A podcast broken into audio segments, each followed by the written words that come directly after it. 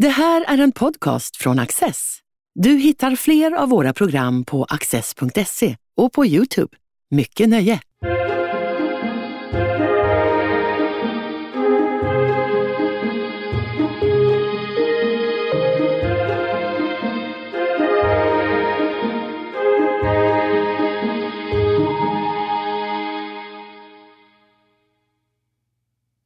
I en värld som blir allt mer digital flyttar också våra politiker ut på nätet och in i sociala medier.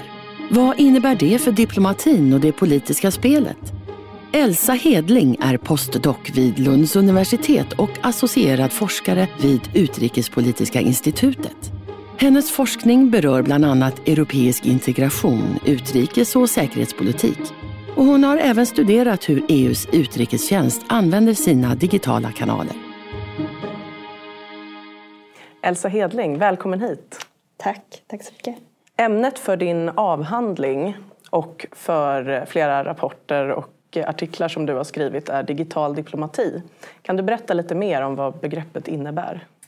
Ja, eh, digital diplomati är ett väldigt eh, brett samlingsnamn kan man säga för eh, skärningspunkten mellan internationell politik och informations och kommunikationsteknologi. Eh, så det är väldigt brett och också ett forskningsfält som verkligen är under utveckling. Eh, så det kan betyda ganska många olika saker. Ehm, jag brukar tala om det som att man kan dela in det i fyra olika kategorier. Dels så handlar det mycket om hur eh, världsledare, politiker, diplomater använder sociala medier, vilket har blivit ett ämne som har många har intresserat sig för. Det finns ganska mycket forskning och det är ofta så man traditionellt, eller när man började prata om digital diplomati så pratar man ofta om, om, om just den här, det här fenomenet. Um, sen så handlar det också om digitalisering lite mer generellt och hur digitaliseringen har påverkat diplomatin som institution. Uh, och då handlar det inte bara om sociala medier utan då handlar det också om nya sätt att eh, söka information, att lagra information och att kommunicera. Så till exempel hur eh, videosamtal används i, i eh, internationella förhandlingar och så vidare. Så det är också ett väldigt, väldigt stort fält bara, bara i sig. sen så handlar det nu bara på, på senare år så har det också börjat handla lite grann om hur man politiskt måste förhålla sig till IT-företagen eh, som många menar har samma typ av inflytande på vissa sätt som, som stater. Eh, så vissa länder, till exempel Danmark och Frankrike, har numera tech-ambassadörer med representation i Silicon Valley. Eh, och det här är någonting också som vi ser är en utveckling. Alla går inte så långt som att man har en, en, en ambassadör särskilt för de här sakerna men, men det är någonting som diplomater arbetar mer och mer med. Och sen ett fjärde område eh, skulle man kunna säga är ju också hur det blir mer och mer viktigt att förhålla sig till eh, digitalisering överhuvudtaget och att ha eh, diplomatiska förhandlingar kring eh, olika typer av internationella problem som har uppstått i relation till digitalisering, cyberhot, desinformation och så vidare. Så att, eh, ja, så brukar jag sammanfatta det. Men om man ska titta på den historiska kontrasten. Mm. Du skriver att eh, den moderna diplomatin i princip uppstod under renässansen. Och för en lekman så ser det ut som att diplomatin på den tiden såg ut eller under hela historien har sett ganska likadan ut. Att det fanns ambassadörer vid varje hov. Och det här såg likadant ut ungefär fram till att digitaliseringen uppstod eller inträdde. Eh, hur ser du på det här? Ja, um, det är många som menar, eh, som resonerar på det sättet att det var en väldigt viktig skärningspunkt och att, att uh, många av de villkoren förändrades väldigt mycket för, för diplomatisk praktik. Man brukar prata om, om diplomati som en ganska så hemlighetsfull praktik. Det är väldigt elitistiskt. Eh, det är långsiktigt och så vidare. Och plötsligt på grund av, av internet och, och, nya möjligheter att kommunicera också en del krav på att, nya krav på att kommunicera så var man tvungen att öppna upp lite mer, anpassa sig till de här eh, de här nya förhållningsreglerna kan man säga på sätt och vis. Eh, så det, det dels, finns dels många som menar att det har totalt förändrat eh, spelreglerna för, för internationell politik och diplomati. Sen finns det andra som menar att så är det inte riktigt och att diplomati fungerar fortfarande ganska mycket som det faktiskt alltid har gjort. Det är fortfarande en institution som är ganska så oförändrad och att de här nya praktikerna eh, nu finns vid sidan av det som vi ser som traditionell diplomatisk praktik. Sociala medier går inte att riktigt komma undan idag. Nej. Men eh, det är väldigt intressant att du har tittat på det från ett statsvetenskapligt perspektiv. Hur, började, hur fick du idén till forskningsområdet? Det började som ett intresse för politikens medialisering lite mer generellt. Så hur politiken på olika sätt har utmanats av och tvingats anpassa sig till ökad medialisering i samhället i stort. Eh, och eh, jag var särskilt intresserad av internationell politik och när jag började intressera mig för det här eh, runt 2013 då, då, var det ju också i en tid när det var väldigt tydligt att de här sociala medierna till exempel, att det inte bara var en fluga utan att det här håller på att bli ganska viktigt. Eh, det är ett nytt sätt att, att kommunicera som, som har slagit igenom så att säga. Eh, så det var lite grann så det började. Eh, sen så växte det verkligen fram. Det hände väldigt mycket under de åren som jag eh, sysslade med det här. Så det var verkligen ett, ett forskningsområde som liksom var i rörelse hela tiden. Eh, som dels gör att det, vilket dels är en utmaning men också ganska tacksamt. Eh, för att det fanns så mycket att, att, att välja mellan så att säga. Men är du överhuvudtaget hjälpt av någon tidigare forskning? Jag tänker som ämnet är så nytt. Jag började min forskarutbildning 2013 Eh, Eh, och då fanns det inte så där jättemycket skrivet om, och speciellt inte om liksom, digital diplomati och hur det här har påverkat diplomati. Men det fanns en del eh, skrivet redan om, om sociala medier och om, eh, det kom ganska mycket forskning då kring den arabiska våren och eh, betydelsen av internet och, och också sociala medier under under den perioden. Ehm, och sen runt 2015 eh, så kom det plötsligt ganska mycket om, om digital diplomati och forskare som hade börjat intressera sig för hur det här också, eftersom Twitter blev en så viktig politisk kanal eh, och det var många diplomater som kom att använda Twitter ganska tidigt. Men är det framförallt Twitter eller finns det några andra när vi säger sociala medier? Mm. Vilka, vilka är de viktigaste? Twitter är absolut den främsta i, i det här liksom, i det här sammanhanget. Eh, sen så kan man definitivt se att, eh, att liksom, diplomatiska organisationer och politiska organisationer överhuvudtaget mer och mer börjar experimentera med andra kanaler. Inte minst för att försöka nå en yngre publik eh, så gör man det. Så att man kan ju säga att Twitter fortfarande är en ganska så eh, elitistisk kanal där man snarare pratar med varandra än med en stor generell publik. Eh, så försöken att nå andra typer av publiker gör man ofta genom andra eh, kanaler. För du nämnde arabiska våren precis. Mm. Vad spelade sociala medier för roll där? Vilken typ av sociala medier var det och vad hände? Under den, sociala vår, eller, social, under den arabiska våren eh, så var det ju många som trodde att vi hade liksom nått en brytningspunkt i att vapen inte längre var viktiga och att nu skulle krig se helt annorlunda ut för att nu fanns sociala medier och ordets makt och så vidare.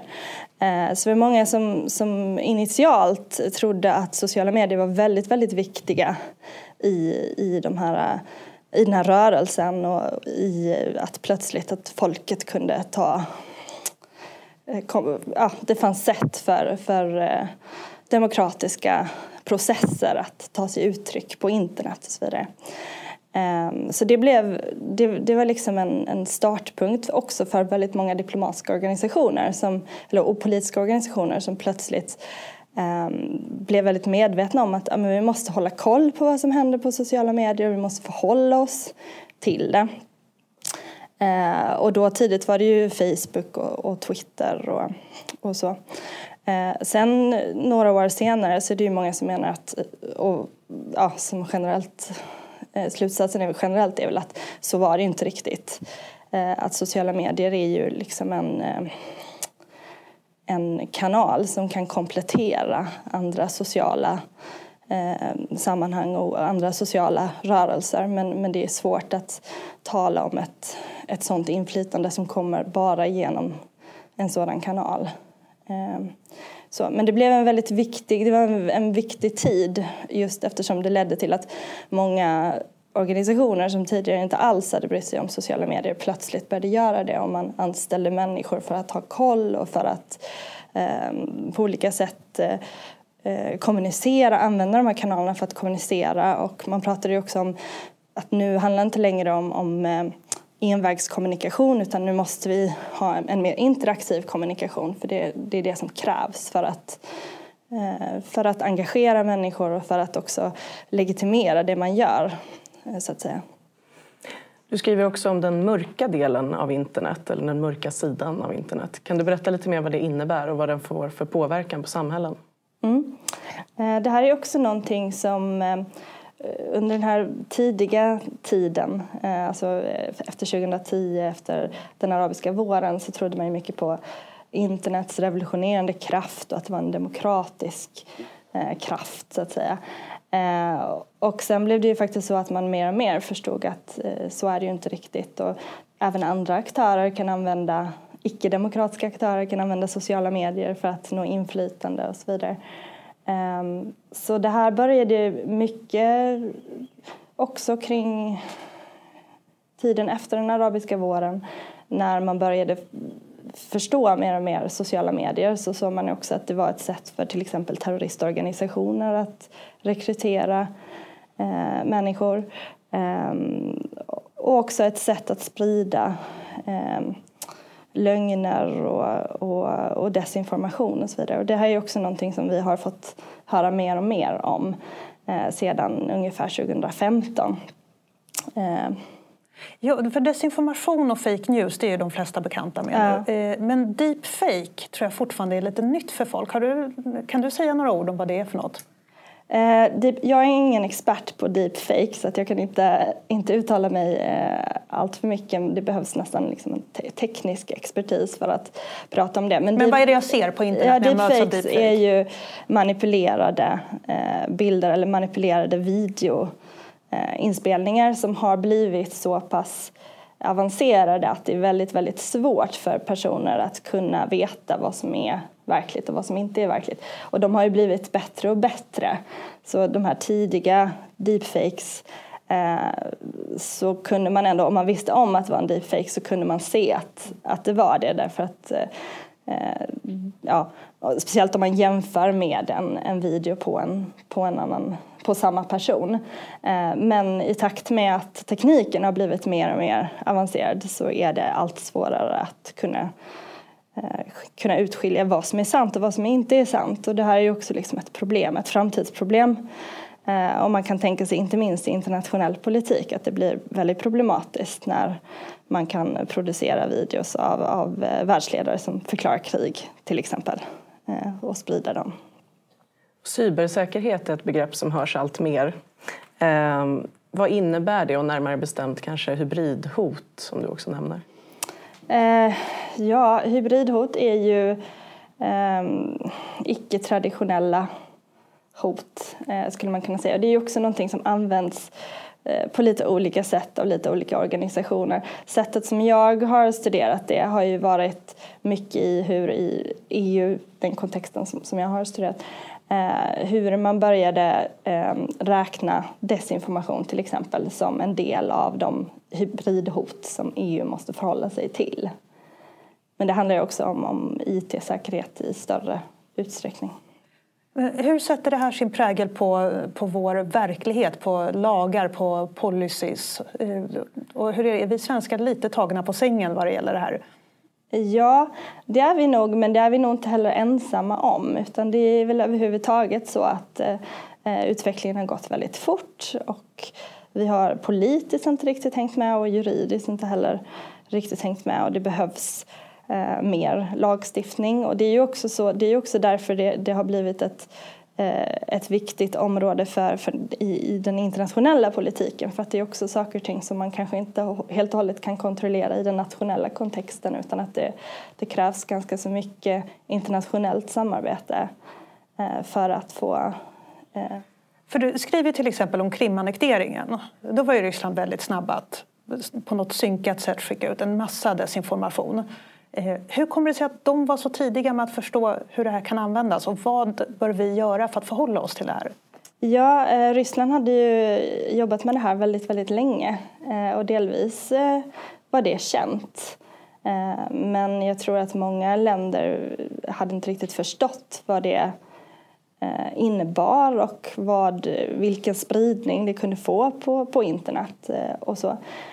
Så Ryssland hade ju arbetat aktivt för att bygga upp den kapaciteten under en ganska så lång, lång tid.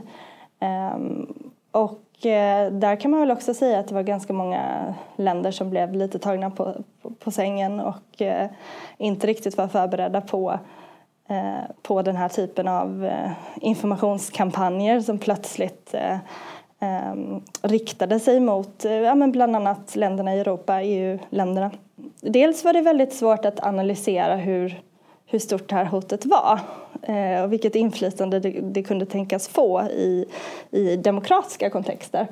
Eh, men sen också vad, vad, man ska göra åt det och det är väl fortfarande inte helt eh, klart vad man, vad man ska göra. Där finns ju olika, eh, lite olika strategier.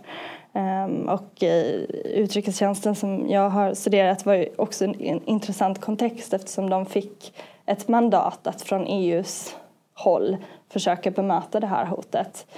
Ehm, och det gjorde man eh, på ett ganska så kreativt sätt, eh, i alla fall inledningsvis, genom att försöka experimentera med, med nya sätt att, ehm, att kommunicera bland annat EUs utrikespolitik.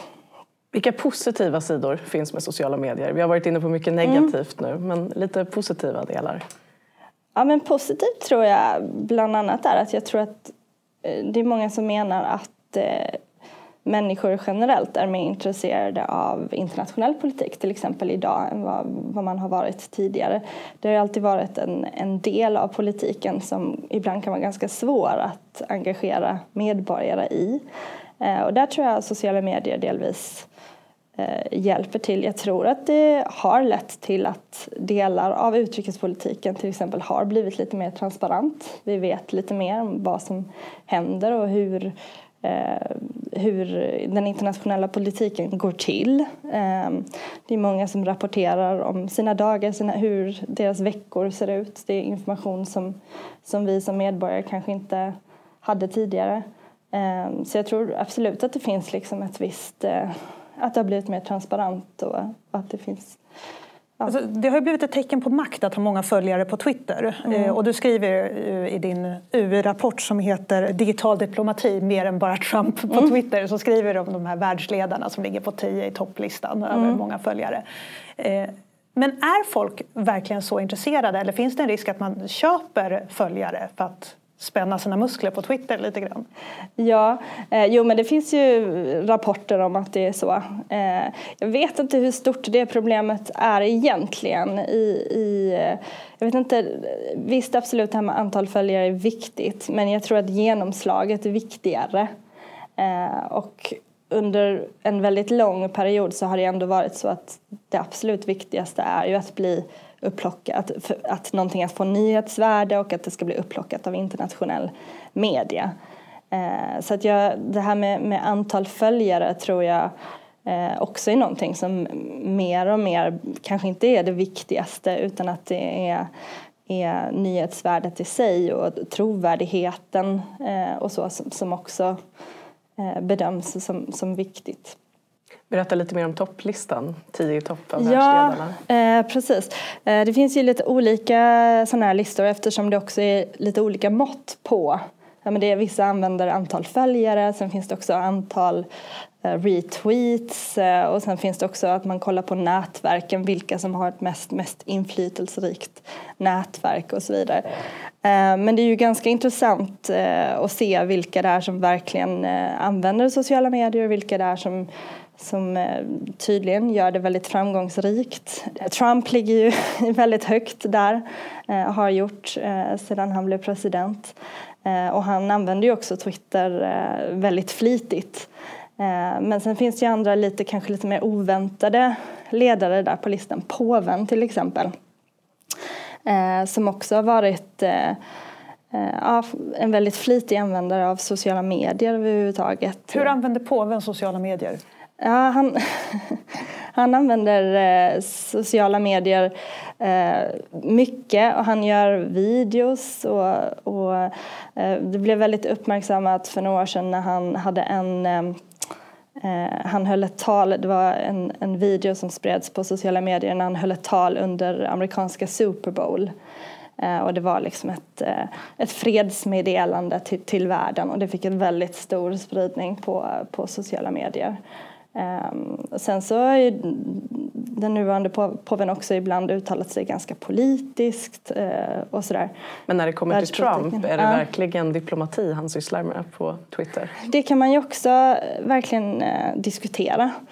Jag tror att han har påverkat andra världsledare på, på egentligen två sätt. Dels så tycker jag att man ser mer och mer att att eh, världsledare försöker att uttrycka sig på ett lite mindre tillrättalagt sätt eh, och ett lite mer ofiltrerat sätt. Det har blivit väldigt vanligt att man, man eh, livesänder till exempel eh, och sådär. Och det tror jag delvis är ett resultat av, av eh, att det finns en efterfrågan på det, att man, man inte bara vill ha det här Eh, Eh, väldigt tillrättalagda kommunikationen utan att man också vill se vem är människan och att man ska prata på samma sätt som medborgare pratar och den typen av, av ehm, eh, politiska poänger som, som Trump hela tiden har plockat. Men sen å andra sidan så tror jag också att det har lett till att väldigt många har, alltså ofta när Trump har tilltalat eh, andra världsledare direkt via Twitter så har det också lett till att de har vägrat att svara på det.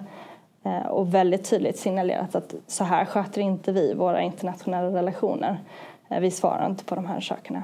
Men för det roliga i det du säger nu, det är alltså att man vet ju att Trump sitter ju själv bakom spakarna på sitt mm. Twitterkonto och i princip härjar fritt mm. eh, och har ett väldigt naturligt och ofiltrerat uttal som andra världsledare i så fall försöker apa efter fast säkert via sina pressekreterare då, för man tror ju inte att de själva sitter bakom sitt Twitterkonto. Men sen vill de inte prata med Trump direkt ändå. Mm. Jag tror i och för sig faktiskt att det har blivit vanligare för, eh, för många att hantera sina egna sociala medier. Eh, för det är ju också någonting som man har sett att det, de här personerna som är väldigt framgångsrika på sociala medier, det är ofta de som sköter det själva, som inte har eh, kommunikationsexperter som gör det åt dem utan det är liksom det här mer personliga till, tilltalet eh, som, som går hem liksom, i de här kanalerna. Eh, sen har man ju hjälp naturligtvis, och hjälp att ta bilder och hjälp liksom. Eh, men att man ändå får till den här eh, personliga direktkontakten med sina följare. Eh, så det tror jag, det ser man mer och mer. För några år sedan så, så var det eh, ovanligt och då var det ofta så att en Twitter, Twitterkonto hanterades av eh, en kommunikationsansvarig. Eh, men det blir mer och mer vanligt att, att man har i alla fall viss kontroll över det själv. Vad är det största problemet du stöter på i din forskning? Det största problem, problemet, men, men vad jag har stött på i min forskning, för att jag har eh, kombinerat observationer på sociala medier med intervjuer. Eh, och då, som jag tycker är, är värdefullt eftersom det är intressant att se vad folk gör och sen försöka eh, prata med dem för att fråga hur resonerade du och varför skrev du så här och vad hände sen och så vidare och hur påverkar det vad som händer offline så att säga. Just och vad är det för människor du intervjuar då? Eh, jag har intervjuat framförallt diplomater, EU-diplomater och kommunikationsexperter. Just för att få veta liksom, relationen mellan vad som händer på, på nätet och vad som, vad som händer i, i, eh, i verkligheten så att säga. Eh, och då eh, har det varit intressant att ibland när, jag, när man ser saker på, på sociala medier, man observerar mönster och så vidare, man ser att det här är ju en väldigt tydlig strategi och här verkar det som att det här har de valt den här bilden av det här det här skälet är ganska tydligt. Och sen frågar man dem om det och då är de så här, nej, det, va? Eh, nej, vi hade ingen strategi, jag vet inte, det var den bästa bilden. Liksom. Om man försöker, men du ser ju att det här, här finns ju jättemycket symbolik och här finns ju liksom, nej, då ser de inte det. Eh, och sen så har jag också ibland intervjuat eh, samma personer över tid, under tiden som den här utvecklingen har skett. Eh, och då har det också varit intressant att höra hur, hur de från början eh, inte alls hade någon strategi och det var väldigt, vi experimenterar lite grann, vi testar humor funkar och då gör vi det och försöker vi vara lite roliga och så vidare. Um, och sen när jag har kommit tillbaka och intervjuat dem några år senare när de verkligen har lärt sig mycket om sociala medier och så uh, då har de en annan, helt annan bild av hur det var från början. Då säger de att vi hade en väldigt tydlig, vi jobbade, vi hade en strategi från början och, vi, och sådär. Eh, trots att jag vet att det, det, var inte riktigt så men man, man förändrar eh, historien på vägen eh, så att säga. Så det kan vara lite, lite av en utmaning ibland och, och eh, tror jag också bevisar värdet i att hur viktigt det är att man ibland kombinerar olika typer av material i sin forskning. Du skriver också om mm, hur ambassader har fått lägga om sitt arbete genom eh, närvaro på till exempel Twitter och till och med i dataspel. Ja, men precis. Nej, men ambassader har ju eh, också varit tidiga med att eh, att på olika sätt försöka anpassa sig till sociala medier. Inte minst viktigast kanske egentligen är sättet som de eh, hämtar in information. För, att ambassad, för ambassader är det ju väldigt viktigt att förstå sig på eh, den kontext i, i vilken de verkar och förstå sig på den nationella eh, situationen där de är. Och då har ju sociala medier blivit väldigt viktigt i det arbetet. Eh, men sen så är det också viktigt just som, som eh, representation att man representerar Sverige till exempel eller Israel. Um, och då har sociala medier också blivit uh, viktigt och där uh, ja, en eh, effekt har ju varit att Ehm, traditionellt historiskt så hade ju ambassader eh, ganska så stor ehm, makt själva eftersom kommunikationen med huvudstäder tog ganska lång tid. Eh, sen så genom ehm, teknologisk utveckling när man först fick telefon, eh, hade bättre telefonkontakt och e-mail och så vidare, då blev det plötsligt mer kontroll och att man hade, kunde få direkt Eh, instruktioner hela tiden från huvudstäderna.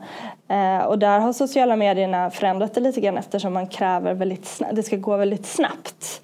Eh, man ska kunna reagera hela tiden. Och det har också lett till att eh, sociala medier är ett sätt för, för ambassader till exempel att hitta sitt eget sätt också anpassa sig till nationell kontext och man har ofta eh, kanske olika språk. Man använder kanske både engelska och det lokala nationella språket eh, och att man måste kunna ganska snabbt reagera på saker eh, och då själva hitta ett, ett sätt att hur, hur ska vi använda sociala eh, medier i vår organisation. Eh, sen det här som du, du nämnde med med virtuella ambassader och, och sådär. Det är ju också någonting som, som är jättespännande i sig men det är ju ett sätt att när, när det är väldigt svårt att få till fysisk representation i ett land på grund av olika eh, konflikter och så vidare eh, så har det också varit ett sätt att ändå göra det och framförallt då att hitta sätt att, att kanske kommunicera med befolkningen i ett land där man inte har representation och det har till exempel då Israel gjort i, i de arabiska länderna. Det är kanske just den här kommunikationen direkt med befolkningen som är skillnaden som vi tar med oss idag. Så stort tack för att du kom hit Elsa. Mm, tack så mycket. Internet var ingen fluga. Facebook och Twitter dör inte och digital diplomati verkar vara här för att stanna. Tack för att ni har tittat. Du har just lyssnat på en podcast från Access. Du vet väl att vi också är en tv-kanal och tidning? Teckna en prenumeration idag på access.se.